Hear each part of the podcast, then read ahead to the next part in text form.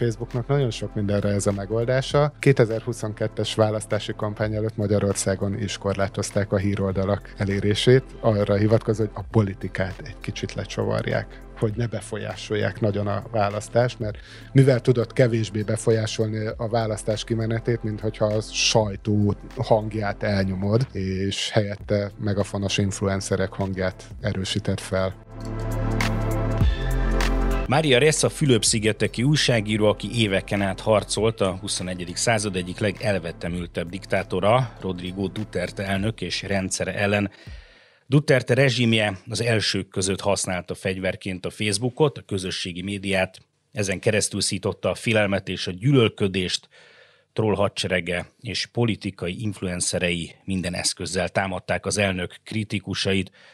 Mária Ressa munkásságáért tavaly Nobel békedíjat kapott, és a most, itthon a 444 gondozásában megjelent könyve, aminek a címe Így szállj szembe a diktátoroddal, az autokrata hatalmak elleni harcról szól, és itt lesz egyébként Orbán Viktorra is kitér, de a könyv minden mellett egyben kiáltványa nyilvánosságot uraló tech cégek túlhatalma ellen is. Én Fóris Mátyás vagyok, vendégem pedig Király András, aki segített a könyv szerkesztésében, és ráadásul nemrég interjút is készített Resszával. Szia! Sziasztok! Mindjárt megnézzük, hogy hol ölelkezik össze egy autoriter rezsim és a Facebook profitésége.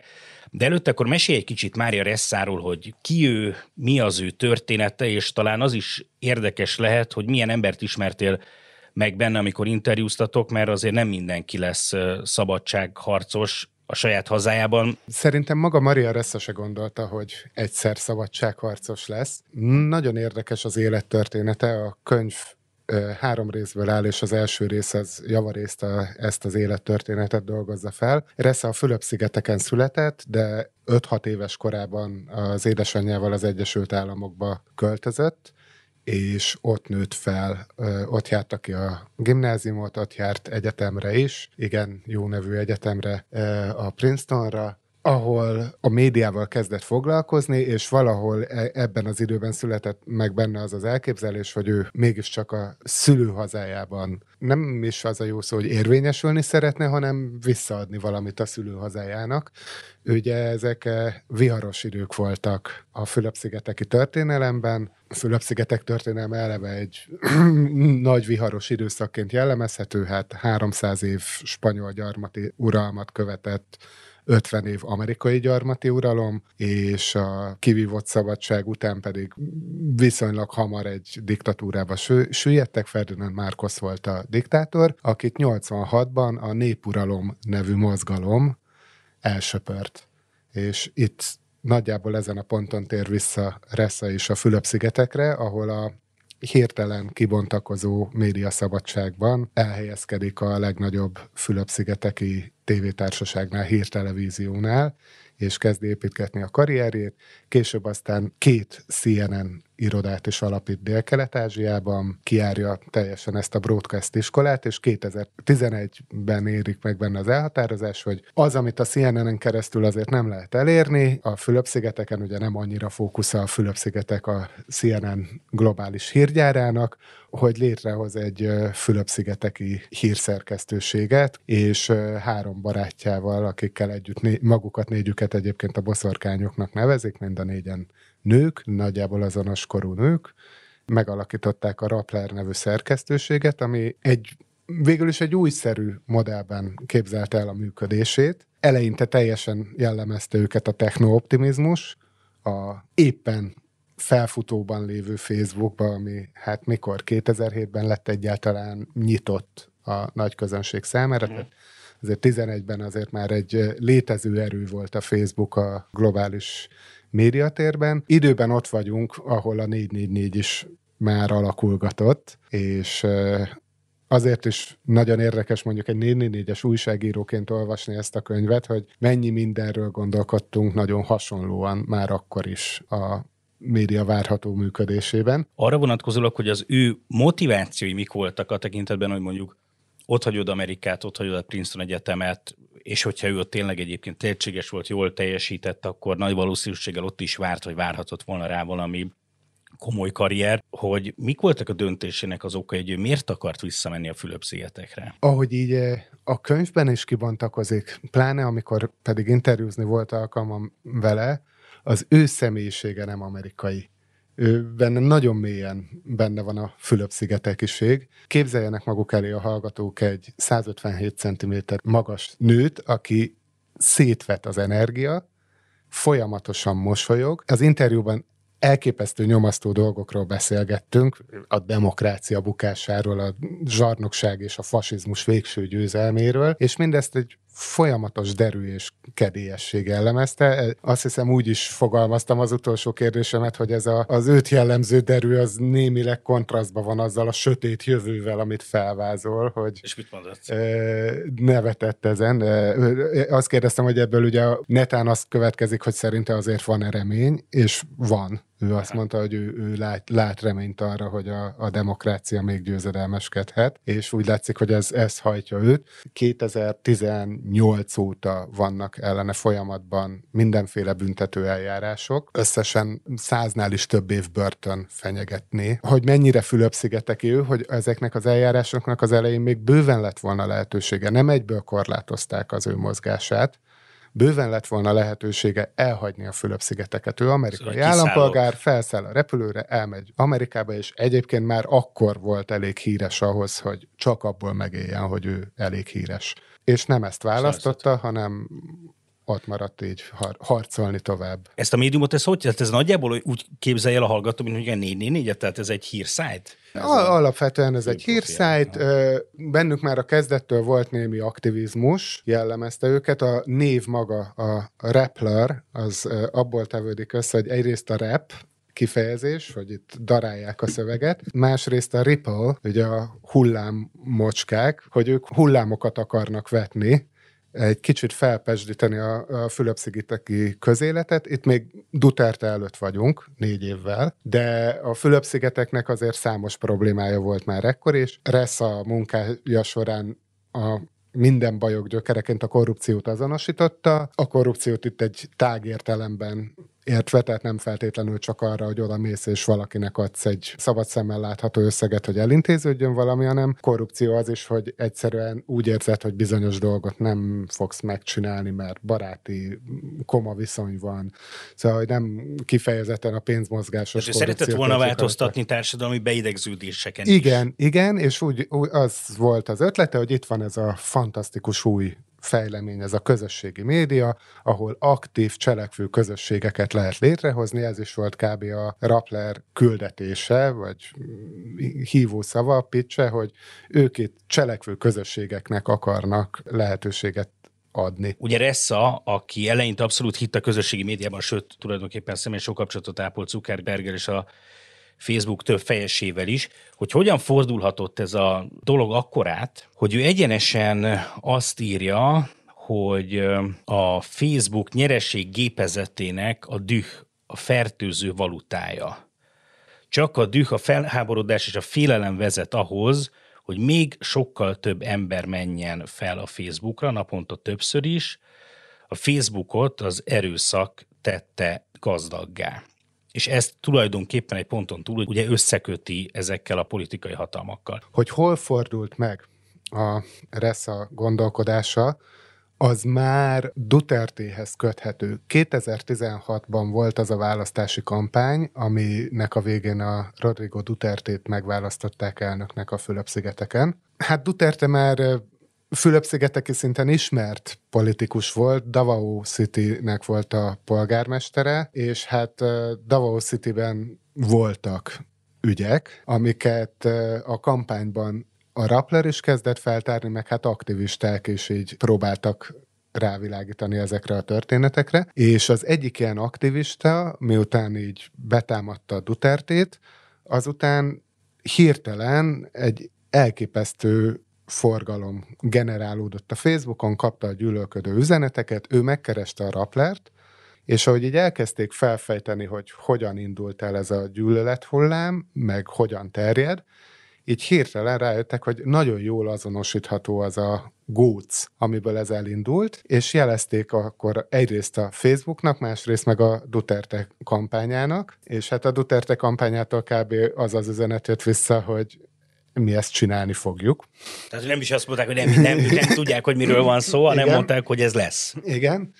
Igen, a Facebook meg így nagyjából vonogatta a vállát. Tehát, hogy tulajdonképpen egy, egy aktivista, vagy akár ki, aki szembe mert benni Dutertével, vagy akár ellene kampányolt, mi, hogy kell elképzelni? Trollhadsereg, fenyegetés? Tehát, hogy... Most már vannak rá szavaink, Aha. akkor még nem voltak. Ugye Aha. ez volt a trükk, hogy akkor még nem igazán léteztek ezek a koncepciók, és ugye ők is abból indultak ki, hogy ez akár ilyen valós is lehetett. Felháborodtak emberek, és betámadták. Ám amikor így kiderült, hogy ez egy mennyire szűk és mennyire összekapcsolódó hálózat, akkor ugye elkezdték vizsgálni a profilokat, és kiderült, hogy hát ez egy korán sem autentikus. Ugye most már van ez a szavunk is, hogy nem autentikus viselkedés. Ugye ez az, amikor valakinek van nyolc ismerőse, de 300 csoportban van benne. Igen, igen, igen, Aha. igen, ez, a, e, e, ez tehát, hogy, hogy lényegében ők akkor kezdtek ezzel, a problémával szembesülni, amikor még fogalmaink se voltak rá, hogy mi történik,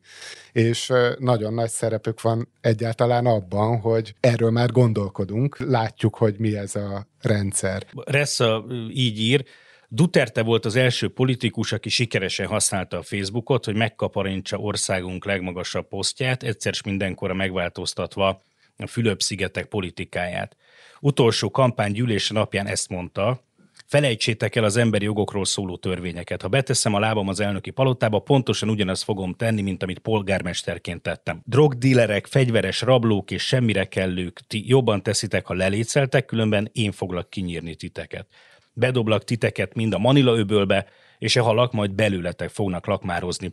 A beiktatása után alig néhány órával már sor került az első gyilkosságra, nem messze attól a helytől, ahol felesküdött az alkotmány védelmére, akkor még nem is sejtettük, zárja Ressa, hogy milyen rosszra fordulnak a dolgok. Igen, hogy milyen rosszra fordultak, egyáltalán nem szóképekben beszélt Duterte, amikor azt mondta, hogy ki fogja nyírni a drogdílereket, és most légidőzélet mutattam ebben a audio médiában. Elindult a, hát nem, drogháborúnak elkeresztelt kampány, vagy így, így szokás rá hivatkozni. Lényegében fegyveres bandák, még csak nem is nevezném őket paramiliciának, semmi szervezettség nem volt ebben, és lényegében random gyilkolászni kezdtek, bárkit, akire azt rá lehetett fogni, hogy drogdíler. Most legyen ez olyan, akinél egyáltalán csak volt valami, létezik drog probléma a Fülöp-szigeteken, de tetszőlegesen elkezdtek kinyírni általában egyébként alacsonyabb társadalmi osztályhoz tartozó embereket. 70 ezer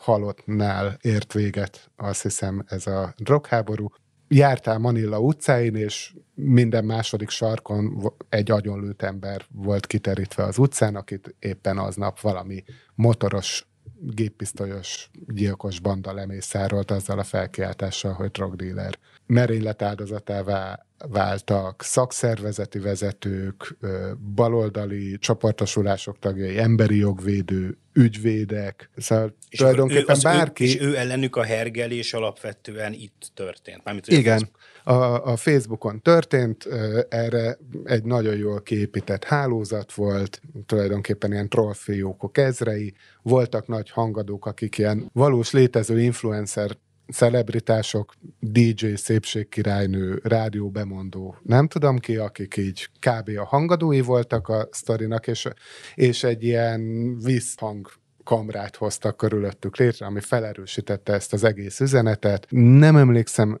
egészen határozottan, hogy a RESZ, amit állít erről, hogy ezt ott is találták-e ki, és később jöttek azok tanulmányozni, akik aztán ezeket a módszereket nagyon jól tudták alkalmazni a Brexit kampányban, a 2016-os amerikai választáson. Ugye Ressa maga is írja, hogy azért van előképe, mert 2014-ben a Krím elfoglalásakor az oroszok már folytattak ilyen információs műveletet, műveleteket. A Fülöp-szigetek azért válhatott ekkora gócponttá, Ressa ezt nagyon sokszor hivatkozza ezt a számítást, hogy a Fülöp-szigetekiek 97%-a fent van a Facebookon. Rengeteg időt töltenek el a közösségi médiában, A másik példája az az, hogy ahhoz képest, hogy milyen vacak a sávszélesség, a Fülöp-szigetekiek töltik fel a legtöbb videót a YouTube-ra, és nézik meg a legtöbb videót a YouTube-on arányaiban.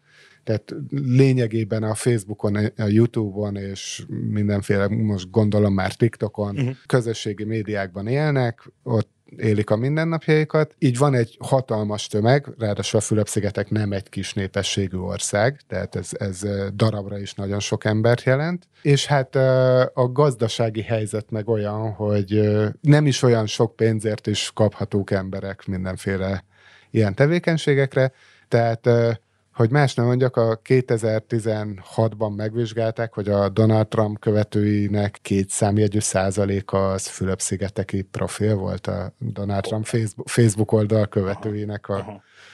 És akkor a resszáik ezekre rájöttek, ezeket észrevették, vagy hogyan próbáltak meg akkor ezzel ellen küzdeni, vagy egyáltalán lehetett-e ezzel ellen Hát küzdeni? ők először is kapcsolatba léptek, hát ők tényleg a legmagasabb szinten tudtak kapcsolatba lépni, tehát talán nem direktbe a Zuckerberggel, de a Sheryl Sandberggel, a, ki a, hát a beosztása szerint így Zuckerberg jobb keze, uh-huh. tulajdonképpen a gyakorlati vezetője volt a Facebooknak, őt közvetlenül is ö, keresték ez, ebben a témában, hogy hát itt, itt ö, ezek mai szakszóval nem autentikusan viselkedő fiókok, itt visszaélnek ezzel a helyzettel. Csak Viszont nagyon nagy hatása van a társadalomra. Nagyon nagy hatással vannak, igen. Csak hát amivel szembe találkozott, hogy ez lényegében a Facebook működési modellje. Na és ez a igen, hiszen talán legegyszerűbben úgy jellemezhetnénk a Facebookot, mint egy adatporszívót, ami minden információt összegyűjt rólunk, és ezt nagyon hatékonyan monetizálja. Másrészt meg ugye kell neki az interakció, minél nagyobb pesgés legyen a, a Facebookon, hiszen akkor érdemes aztán ott újra hasznosítani a itt felporszívózott adatokat rólunk. Azt mondjuk nem most fedeztük fel a történelemben, ezt azért a pszichológiában régóta tudjuk, hogy a negatív érzelmek azok sokkal hatékonyabbak. A félelem, a gyűlölet, ezek mind jobban ösztönöznek akár cselekvésre, ez esetben akár kattintásra, megosztásra, kommentelésre. Tehát, hogy a Facebooknak egyáltalán nem áll érdekében, hogy civilizáltá tegye a diskurzust, és mondjuk ellenőrizni kezdje. Sőt, a, neki a ezek szerint tényeket. érdekében áll felkorbácsolni az érzelmeket, akár gyűlöletet szítani, vagy hogy polarizálja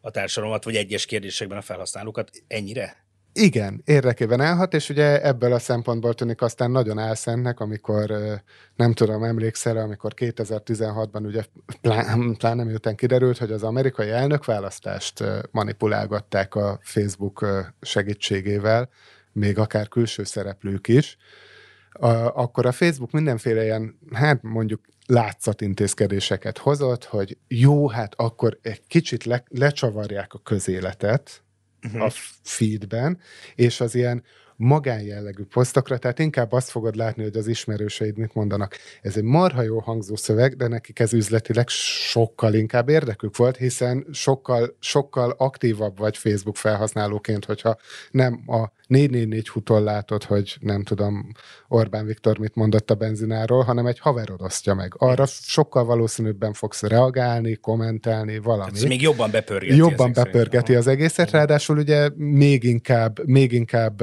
kiveszi a, a hírfolyamból azokat a az intézményeket, és most intézményként itt a sajtóra gondolok, aminek azért részben, vagy nem is részben az a funkciója, hogy eligazítson a, az információk között, hogy melyik valós és melyik nem.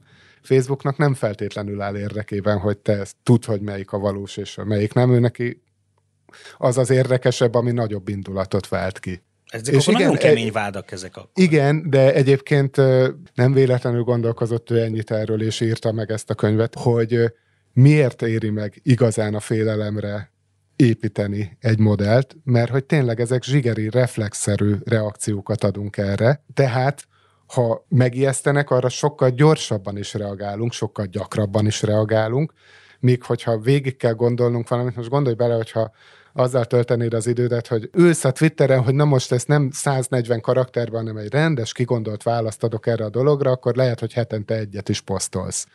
Viszont ha csak annyit kell nyomni, hogy angry face, izé, like, röhögés, akármi, az egy tized másodperc alatt megvan, egy perc alatt tizet kiosztottál a Facebooknál, tízszer csörög a kassa. És akkor ez azt jelenti, és akkor ez azt jelenti, hogy de hogy akkor valószínűleg többet is ülsz a többet görgeted a feedet, igen. és akkor még több adatot kerül be a rendszerbe. Igen, igen, igen, és ugye sokkal gyorsabbak a reakcióid, ezzel is ugye egyre több adatot adsz, mert sokkal több mindenre kattintasz. Én nagyon egyetértek vele ezekben a kérdésekben.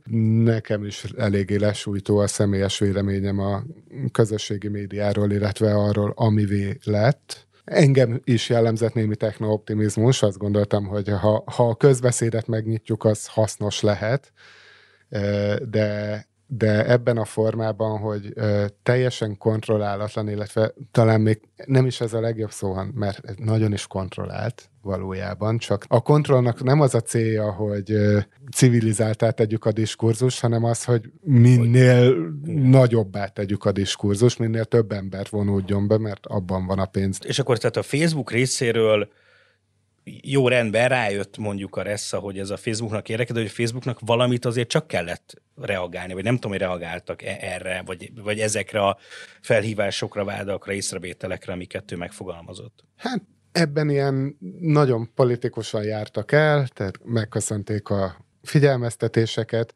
de hát amit cselekvésként tettek, ugye amire a példát mondtam, hogy ak- akkor kivesszük, egy kicsit lecsavarjuk a híreket a igen. feedben, azok ja, igen. nem, hogy, nem, hogy álmegoldások voltak, hanem tehát ennél sokkal durvább. Tehát egy álmegoldás az, az, az legalább nem árt.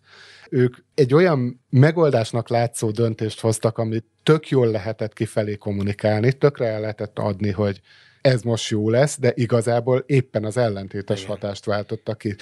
Azt gondolom, hogy azért nagyon okos emberek ülnek a Facebooknál, csak a céljaik azok, vagy az érdekeik nem azonosak a nagy közösség érdekeivel. Tehát igen, ahogy Ressa mondja, az, az vállalatot az ország elé helyezik, de hát érted, mondjuk egy kapitalista vállalattól nagyon más nem is várhatunk, tehát bizony, bizonyos gazdasági elméletek szerint az ő egyetlen felelősségük azért a részvényeseikkel szemben a profit megtermelése. Jó, de és akkor így reagált a Facebook. Na, hogy reagált Resszáik akcióira, hogyan reagált a, a rezsim, hogyan reagáltak a Duterte? Kezdetben az a hálózat, amit azonosítottak, az természetesen őket is célba vette. Amikor megjelent a cikkük még Duterte megválasztása előtt, igen, azt hiszem, az még előtte jelent meg a cikkük erről a hálózatról, ami gyűlöletet terjeszt. Azután jöttek olyan napok a Resza életében, hogy óránként 90 gyűlölködő üzenet érkezett a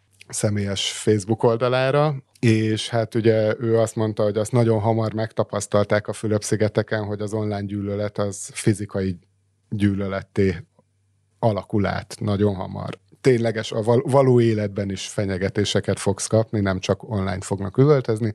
A Resza ezt abból vezeti le, hogy, hogy a, az online térben teljesen büntetlenül teheted ezt meg, uh-huh. és ez a büntetlenség érzése, ez felbátorít aztán arra, hogy a való világban is erőszakossá váljál. Mert hát egy helyen már megúsztad a büntetést. Vele mi történt, vagy nála meddig jutottak el? Nála addig jutottak el, hogy 2018-ban, tehát már két évvel a Duterte megválasztása után kiberrágalmazással, ez egy nagyon sajátos tétel a Fülöp-szigeteki büntetőtörvénykönyvben az online elkövetett rágalmazás bűncselekményének ez a szakkifejezése, Aha. tehát kiber, kiberrágalmazással vádolták meg, ez volt az első eljárás az ügyében, és hát azonnal rabosították is, ami egy uh, eléggé látványos eseménysor volt, mert a a Rappler szerkesztőségébe jöttek őt őrizetbe venni, és a Rappler szerkesztőség egy ilyen nagy egyterű iroda, ahol üvegfalakkal van körülvéve egy tárgyaló, és a Ressa ebben a tárgyalóban ült háttal a szerkesztőségnek, és éppen egyébként a Facebookosokkal tárgyalt, nem a, nem a Zuckerbergkel és a Sandberggel, de ilyen fiatalabb, középvezető Facebookosok voltak náluk, akiket aztán ki is kellett csempészni az épületben, Aha. hogy nehogy bajuk essen. Erről azért tudunk egyébként annyira sokat, hogy mi történt, nem csak azért, mert egy szerkesztőségen belül történt, hanem mert eddigre már egy teljesen kidolgozott rendszerük volt arra, hogy hogyan reagáljanak ilyen helyzetekben, és a könyvében nagyon jól írja le, hogy amikor így hátrafordult, és látta, hogy micsoda felfordulás van, akkor azt is látta, hogy a szinte minden újságírójuk, és a Rappler szerkesztősége az talán azért is, mert hogy négy nő alapította egy ö, javarészt fiatal nőkből álló szerkesztőség, tehát ilyen 20 éves lányok mind előkapták a mobiljukat, és mind benyomta a saját élő közvetítését. És megvolt arra is a rendszerük, hogy ezeket az élőket azonnal kitolják a, a Rappler Facebook oldalára, tehát hogy egy nagy elérése is legyen a dolognak. Tehát, hogy ez, ez volt az első eljárás ellene, Fülöp-szigeteken a őrizetbevételnél le tudsz tenni óvadékot, azért nyilván akkor próbálták letartóztatni, amikor már nincs nyitva bíróság, és ezért azt az éjszakát ott bent is kellett töltenie. Hogy mondjam, nem egy életbiztosítás egy Fülöp-szigeteki börtönben tölteni az éjszakát, de mindegy, másnap már letette az óvadékot és kijött. Végül összesen 11 vagy 12 ügyben indult ellene eljárás, ezek közül egyébként háromban vagy négyben már meg is szűnt, tehát hogy annyira alaptalan volt, hogy még egy ilyen részben túlszulejtett igazságügyi rendszer is azt mondta, hogy nem. ezeket felejtsük el, de nyolc ügyben még, még folynak ellene eljárások.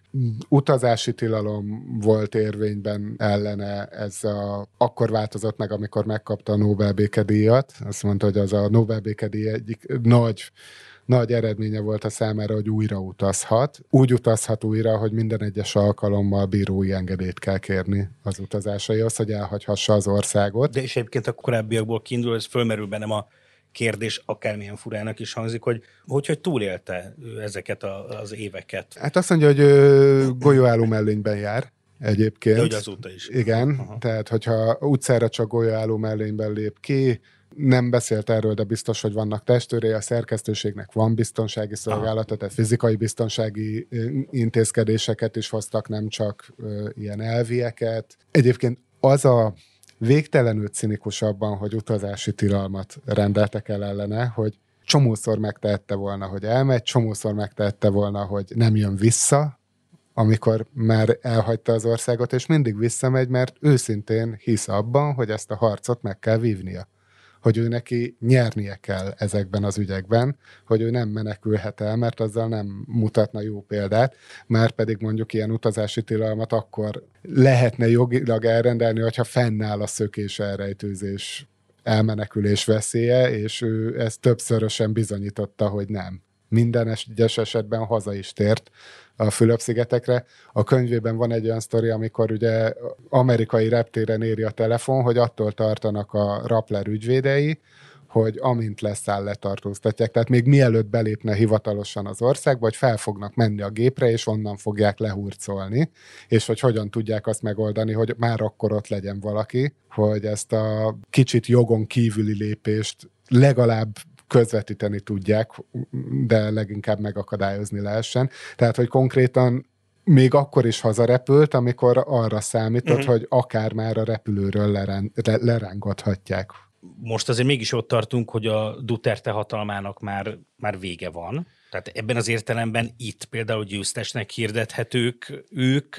Nem. Győztesnek legfeljebb annyiban, hogy Duterte nem lépte túl az alkotmány szabta kereteket. Fülöp-szigeteken egy elnöki ciklust engedélyez az alkotmány. Tehát nincs olyan, hogy újra választásért indulsz, ez hat év. És Duterte bár szemezett azzal a gondolattal, hogy mi volna, hogyha ő mégis elnök maradna, de vég, végül nagykegyesen bejelentette, hogy ő nem, nem lesz újra elnök. Na most helyette a alelnöknek a lányát választották uh-huh. meg, elnöknek pedig talán még emlékeznek a hallgatók a műsor elejéről Ferdinand Márkusz nevére, Ferdinand Márkusz Junior Ez 80-as évek végi diktát, tehát hogy akkori diktátora, és az ő fia. Az ő fia, az ő fia lett most a Fülöp-szigetek elnöke, Aha. amit hát Reszáék azért vereségként éltek meg, hogy ez bekövetkezhetett. és egyébként a, a könyvében nagyon szépen levezeti, hogy az a hálózat, és ugye ez megint csak erősíti, hogy ez mennyire nem autentikus, ami előtte Dutertét támogatta, az egy az egybe. Tehát az Márkos, influencerek, a trollhadsereg, a kommentelő, tehát minden. Ami... Minden egy az egybe átkerült a Marcos Juniorhoz, és az őt, őt kezdte el támogatni a kampányban. Itthon mennyire látunk ilyesmit? Már most azokra az eszközökre gondolok, amit itt a, a mert ugye azért azt, azt is elmondta Ressa, hogy ha egy hazugságot sokszor ismételgetsz, akkor az egy ponton túl igazságá válik. Az influencerek, a politikai influencerek, egyáltalán a közösségi média használata, szóval hol, hol tartunk mi ebben itt most? Elég elől, elég elől. Ugye azt is említettük már, hogy azért ennek az előképe, ami a Fülöp-szigeteken történt, az 2014-ben Oroszországból indult. Ők valószínűleg egy közelibb inspiráció a Orbán rezsimre, de hát ugyanez a, a, a Fülöp-szigeteki hálózatot azért felhasználták a Orbánék amerikai elvbarátai, ugye a Trump és köre is. Ressa is utalgat rá a könyvében, hogy ez, ez, ez a know-how, ez így terjed ebben a ideológiai és elvi vonalon egymással szimpatizáló körben, amit nem tudom, egymillió szakszóval illettek már, hibrid diktátorok, nem tudom. És mennyit beszéltetek egyébként a magyarországi dolgokról, vagy szóba került az interjúban? Hát ilyen érintőlegesen. Ugye a könyvében a Orbán Viktor neve kétszer szerepel csak. Nyilvánvalóan vannak párhuzamok a Fülöp-szigetek és Magyarország között. Resza egyébként meglepően tájékozott a magyar állapotokról, az kiderült a, mhm. az interjú során, de azért így jelentős fokozat eltérés van a között, ami a Fülöp-szigeteken folyik, és ami Magyarországon. De hát most más nem mondjak, megafon. Szóval hogy, hogy lehet másként értelmezni ezt a hálózatot, mint a nevében is hálózatot, amit nem arra hoztak létre, hogy egy ilyen Facebook nehéz tüzérség legyen, hogy mindenkinek a feedjét elárasszák ezek a fideszes influencerek, illetve hát a köréjük épülő és szintén tudjuk központilag irányított kommentelők, akik eh, ugye két lehetőség van, vagy az, hogy 2000 embernek pont ugyanaz az egy mondat jut eszébe bármelyik hírről, vagy az, hogy valaki kiküldte nekik, hogy ezt, a, ezt az egy mondatot kéne minden cikk alá bekommentelni. Tehát nagyon is élnek ezekkel az eszközökkel. Ugye emellett a klasszikus, hagyományos értelemben vett propagandában is ö, nagyon erősek, a hagyományos szovjet iskola és ez a, ez a közösségi médiás valóság hajlítgatásnak egy erős ötvezetét azt megkapjuk mi is Magyarországon. Akkor itt a Facebook kapcsán még egy dolgot szeretnék megkérdezni, és aztán nézzük meg, hogy hogyan szállhat szembe a diktátoroddal. Hogy azt írja Ressa, hogy egy belső Facebook feljegyzés szerint a cég, mármint hogy maga a Facebook saját magáról állítja ezt a Facebook, rendszeresen védelmezi a befolyásos érdekcsoportokat, kezdve a 2015-ben az akkor még jelöltként szereplő Donald trump -al. A vállalat részben ezért engedte következetesen, hogy a politikusok hazudjanak, ezért titkolt el az igazságot, majd tompította az élét az orosz dezinformációs és információs műveletekről szóló bejelentésének, és ezért engedte, hogy a szélsőséges csoportok elbúrjánozzanak, és elhincsék a különféle metanarratívákat, amelyek aztán elvezettek a cég nagy ébresztőjéhez, a Kapitólium 2021. január 6-án történt ostromához, amikor Donald Trump amerikaiak ezreit buzdította a támadásra, hogy így tiltakozzanak választási veresége ellen. Ez volt az a pillanat, amikor a szilícium völgy bűnei visszaszálltak a fejükre. És itt arra lennék nagyon kíváncsi, hogy ő a Facebook nagy ébresztőjéről vagy ébredéséről ír Ressa, tehát az elmúlt években valamelyest ez a helyzet változott? Szerintem a változásig még nem jutottunk el. A, addig eljutottunk, és az valamennyire ö, láthatóvá is vált, hogy, hogy egy kicsit a fejükhöz kaptak. Tehát, hogy talán, talán azt ők sem érték fel, hogy ez meddig fajulhat ez a dolog. De ez az, de ez az kellett, hogy ott történjen a, izé, az ő szobájukban. Az kellett, hogy az Egyesült Államokban, és én ezt szeretem nevén nevezni, ami történt, egy pucskísérlet tehát hajtson végre a demokratikusan megbuktatott elnök, egy választást szintisztán elbukó elnök ne legyen hajlandó átadni a hatalmat, és megpróbálja elérni, hogy ilyen félalkotmányosan őt válasszák új, újra elnökét. Ez is ilyen, ilyen érdekes menet, hogy hogy zajlik egy pucs egy demokráciában, hogy nem az történt, hogy bement fegyverrel, és azt mondta, hogy már pedig én leszek az elnök, hanem megpróbálja eljátszani azt, hogy itt ez valamilyen jogszerű folyamat, ahol mégiscsak képviselők meg szenátorok mondják a végén azt, hogy nem a győztes, hanem a Trump az elnök. Szóval, hogy ezzel valószínűleg nem számoltak, ez így nagyon közelévé tette a problémát. Azért ebben bőven van cinizmus, tehát már túl vagyunk azon, hogy Myanmarban több tízezer rohingyát lemészároltak, és annak is az alapja a Facebookon elindított gyűlölet hullám volt. Az annyira még nem volt fontos a Facebooknak, vagy azt még nem érezték annyira a saját bőrükön, hogy itt probléma lehet. Itt a, ebből az idézetből én még azt lennem ki, hogy ugye kiemelt érdekcsoportokat védett, bevédett a Facebook, hogy ez mennyire így volt, hogy talán emlékszel rá, hogy amikor a, elindult a koronavírus járvány, akkor a közösségi médiavállalatok elkezdtek lépni, milyen elképesztő mennyiségű áhír, konteó és nettó veszély, életveszélyes uh-huh. baromság terjedt a közösségi médiában, és akkor elindultak ilyen fact-checking próbálkozások, ahol nagyon hangsúlyosan az első pillanattól leszögezték, magyarra lefordítva azt, hogy a politikusok hazudhatnak továbbra is. Uh-huh. Tehát mhm. ők politikus nem fognak ellenőrizni, politikus állítása nem lesz fekcsekelve, egy politikus bármit mondhat. Hiszen nyilván ugye egy politikus aztán hozhatna olyan törvényt, ami a Facebooknak nem jó. Tehát őket így helyből kiemelték abból a körből, ugye ez változott, igaz, ha valami változott, ez változott, legalább egy fő tekintetében 2021. január 6-án, amikor Donald Trumptól aztán a, megvált a Twitter meg a Facebook egy időre. Akkor Hát nézzük meg a végén. A gyakorlati tanácsok? A gyakorlati tanácsokat, hogy hogyan szállj szembe a, a diktátoroddal. Ez volt az a része a könyvnek, amit ugye nem tudtam nem úgy olvasni, mint egy a, ebben a sajátos magyar médiatérben dolgozó újságíró, és lehet, hogy egy kicsit öncélúan is csak sajtószemmel tudtam első körben értelmezni, de lehet, hogy vannak ebben egyénileg is hasznosítható ötletek.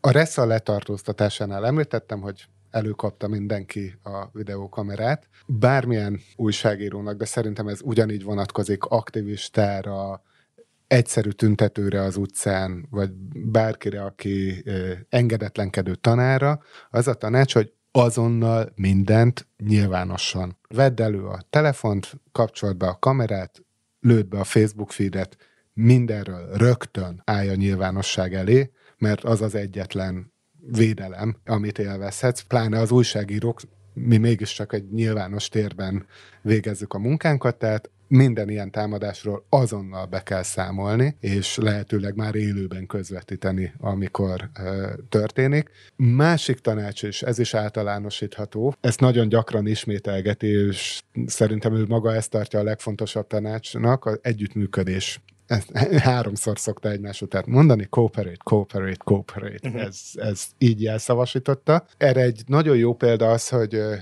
ugye most már Magyarországon is létezik fact-checking, említem a Lakmus, de említhetném a Telexnek is van egy hasonló oldala, tehát többen is próbálkoznak ilyenekkel. A Fülöp-szigeteken a fact-checking az úgy valósult meg, hogy 16 egyébként egymással versengő, az egymás olvasóiért harcoló szerkesztőség fogott össze, és közösen kezdtek egy fact-checking műveletet, mert hogy együtt erősebbek, együtt, együtt sokkal jobban tudják ezt képviselni, és Hát ugye Magyarországon is van az a nagyon sajátos helyzet, hogy itt van ez a médiatér, ne nevezzük médiapiacnak. Ennek a médiatérnek van egy kis szegmense, a független sajtó, ami hát öldöklő harcot vív egymással a olvasói támogatásért, a még valamennyire létező reklámbevételekért, a figyelemért, miközben a másik felében ott van a mi pénzünkön kitömött nehéz tüzérség,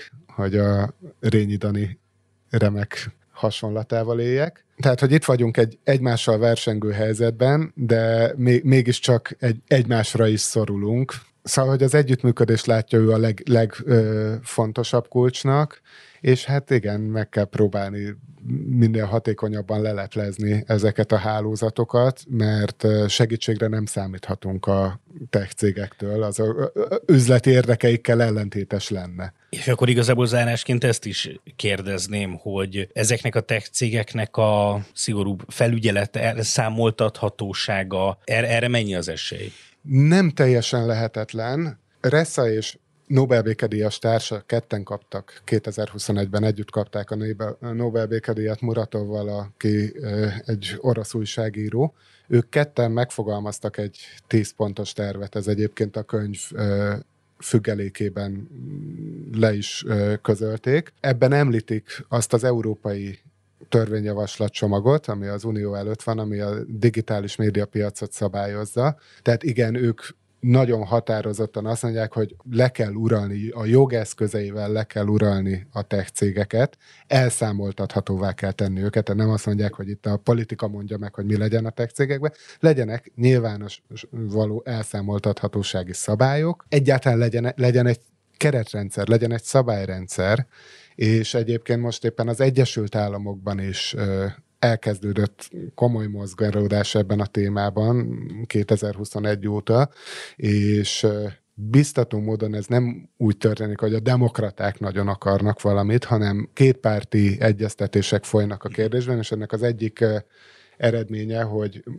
kétpárti támogatással bekerült egy törvényjavaslat, a, hát azt most meg nem mondom, hogy a képviselőházba vagy a szenátusba, de lényegében mindegy is, ami egy nagyon apró rész problémát érint, ez pedig az, hogy hát a Facebook jelentősen gazdagszik a sajtó által termelt tartalmon, és nagyon-nagyon-nagyon kis részt csorgat vissza. Tehát lényegében leuralta a hirdetési piacot a Google-lal együtt, elszipkázta a hirdetőket, akiknek ugye sokkal egyszerűbb azt mondani, hogy a Facebook nak adom a pénzt, és ő majd szétszórja a hirdetéseket, mint hogy egyesével elmenjen a New York Times-hoz, meg a Washington Posthoz, vagy a 444-hez, és egy olyan törvényjavaslat lett beterjesztve, hogy egy sokkal nagyobb hányadot osszon vissza a Facebook a, a sajtótermékeknek, amire egyébként a Facebook válasza szokásos visszafogottsággal az volt, hogy hát akkor majd inkább leveszik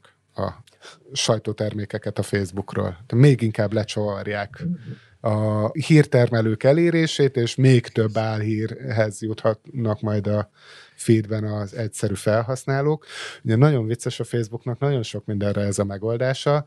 2022-es választási kampány előtt Magyarországon is korlátozták a híroldalak elérését, arra hivatkozva, hogy a politikát egy kicsit lecsavarják hogy ne befolyásolják nagyon a választást, mert mivel tudott kevésbé befolyásolni a választás kimenetét, mint hogyha a sajtó hangját elnyomod, és helyette megafonos influencerek hangját erősített fel. Hát így szállj szembe a diktátoroddal Mária Ressa Nobel-díjas újságíró könyve a 444 kiadásában megtalálható, illetve kapható. Király Andrásnak nagyon szépen köszönöm a beszélgetést, köszönöm, hogy itt voltál. Örülök, hogy eljöttem. Ti a 444. oldalt hallottátok, én Fórics Mátyás voltam. Két hét múlva újra találkozunk.